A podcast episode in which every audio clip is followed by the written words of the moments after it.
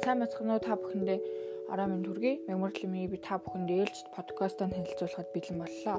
За энэ 7 хоногт бүгдээрээ улс төр гэсэн бүлэг сэдвээр хичээл үзсэн байгаа.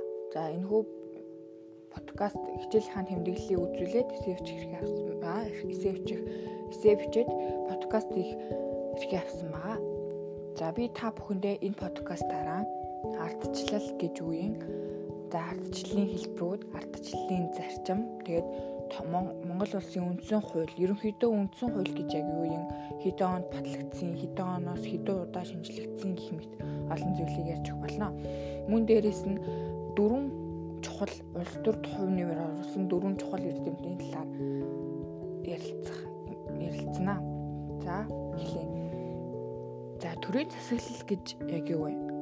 За энэ хүү багшийн видео хичээл дээр төрийн засаглал гэдэг нь түүхэнд нийгмийн бүлэг нэг бүлэг нөгөө хэсэгтэй харилцагтаа хүч хэрэглэх эрхтээр тулгуурласан засаглалын онцгой төрөл гарч ирэх үед улс төр үүссэн бөгөөд үүнийг төрийн засаглал гэж нэрлэнэ гэж байна. За засаглал гэж байна. За засаглал гэдэг нь грек хэлний ард түмэн буюу дemos засаглал буюу кратос гэсэн үгнээс гаралтай. За энэ ардчлалын хэлбэрүүд гэж байдаг. За энэ ардчлалын хэлбэрүүд нь шууд ардчлал болон төлөөллийн ардчлал. Шууд ардчлал нь альва хэлгээд байгаа зүйлээ өөрийнхөө бод өөрийнхөө үзэл бодлыг шууд чөлөөтэй тэр тэр хүнд төрийн тэр төр барьж байгаа хүн шууд хэл хилчдэг тэр ардчлалыг хэлж байгаа. За харин төлөөллийн ардчлал гэдэг нь альва нь ямар нэгэн хүнээр дээд шатны байгууллагын тэр альва нэгэн хүнээр хилж хилээд тэр хүн нь ингээд яг төлөөлөлж хил одоо шууд шууд ардчлалаас ялгаатай төлөөлж хүнээр төлөөлүүлж хилдэг ардчлал. За ардчлалын зарчмууд нь гэвэл нээлттэй байх зарчим энэ л хор төр нь хүний эрхийг хамгаалах үүрэгтэй тул иргэдэд одоо төрийн бүх үйл ажиллагаа нээлттэй байх шаардлагатай байдаг. Одоо ингээ хээл, хахуул, авилга гэх мэт гэх мэт зүйлүүдээс урдчлан сэргийлэх орчнуудыг бүрдүүлж байдаг. За шудраг байх зарчим. Энэ шудраг байх зарчим нь угаасаа юу юу ардчлал нийгэм бүх иргэдэд адил тэнцүү боломж олгодог онцлогтой. Энэ хийнх одоо хин нэгний хин нэгнийг илүү харж ирэх тарахыг олохгүй гэсэн үг. За хуулийн дэдлэг нь бол мэдээж үндсэн хууль. За энэ хууль дэдлэг зарчим дээр би шууд үндсэн хуулиа яриад явчих гэж бодож байна. За манай Монгол улс нь бол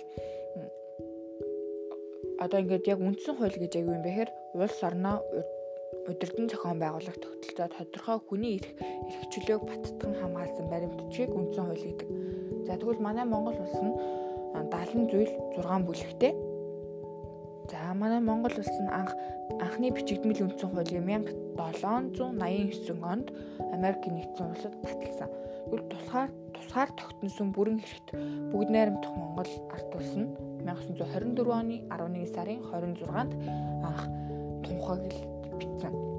Тиймдээ бид нар одоо ингээд жил болгоны 12 сарын 26 бол Монгол хүний Монгол улсын улс тунхагласны баяр гэж тэмдэглэж тэмдэглэдэг шүү дээ. Бүх нийтийн амралт байдаг. За 1924 он, 1940 он, 1960 он, 1992 онд гих дөрвөн удаа Монгол улсын шинжилэл үндсэн хуультай шинжилэлт өөрчлөлт хийсэн байгаа.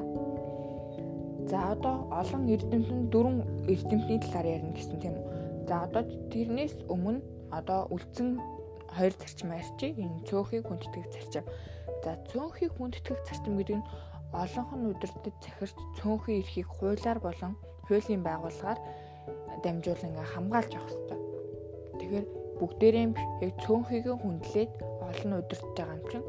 За тэгвэл зөвшөөрлөлийн зарчим гэдэг нь улс төрийн намууд нийгмийн бүлгүүд хоорондоо үзэл бодол байр суурийн ялгааг нэгтгэх ба арга зам нь зөвшөөрөх юм аа.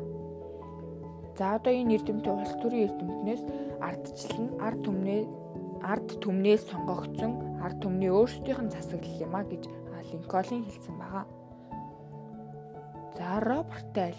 За Роберт Тайл гэх эрдэмт нь энэ улс төрийн маш олон үнэт зүйлсийг наривчсан судалсан мундаг эрдэмтэн байгаа.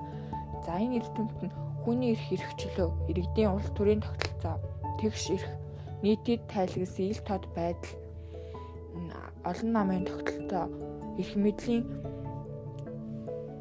эрх мэдэл хэтрүүлэхэд хяналт тавих, хуулийн засаглал, боловсрол тогтмол чөлөөт сонгуул гэх мэт үнэт зүйлсийг судалсан эрдэмтэн. За дараагийн 3 дахь эрдэмтэн маань энэ Маквел гэсэн эрдэмтэн. За энэ Маквел гэсэн эрдэмтэн нь улс төр бол эрх мэдэлд хүрэх, эрх мэдлийг тогтоон барьж байх ба ашиг хонжоо олохын тулд эрх мэдлийг ашиглан албадлах албад албадлагын арга хэрэгслийн цогц гэж. Тэгэхээр яг улс төрд байгаа хүмүүс ашиг хонжоо олохын тулд ингээд эрх мэдлээ ашиглаад ашигладаг гэсэн утгаар энэ улс төрийг тайлбарласан байгаа.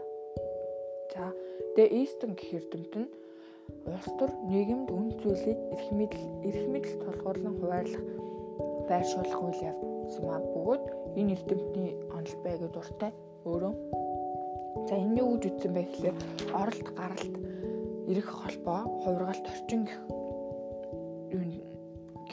таван зүйл дээр тулгуурлаад тулгуурлан энэ юу вэ онлоо хийсэн. За тэгвэл гарц гэдэг нь одоо эргэх холбоо энэ орц оролт гаралт хоёр нь дандаа эргэх холбоогоор холбогдож байдаг.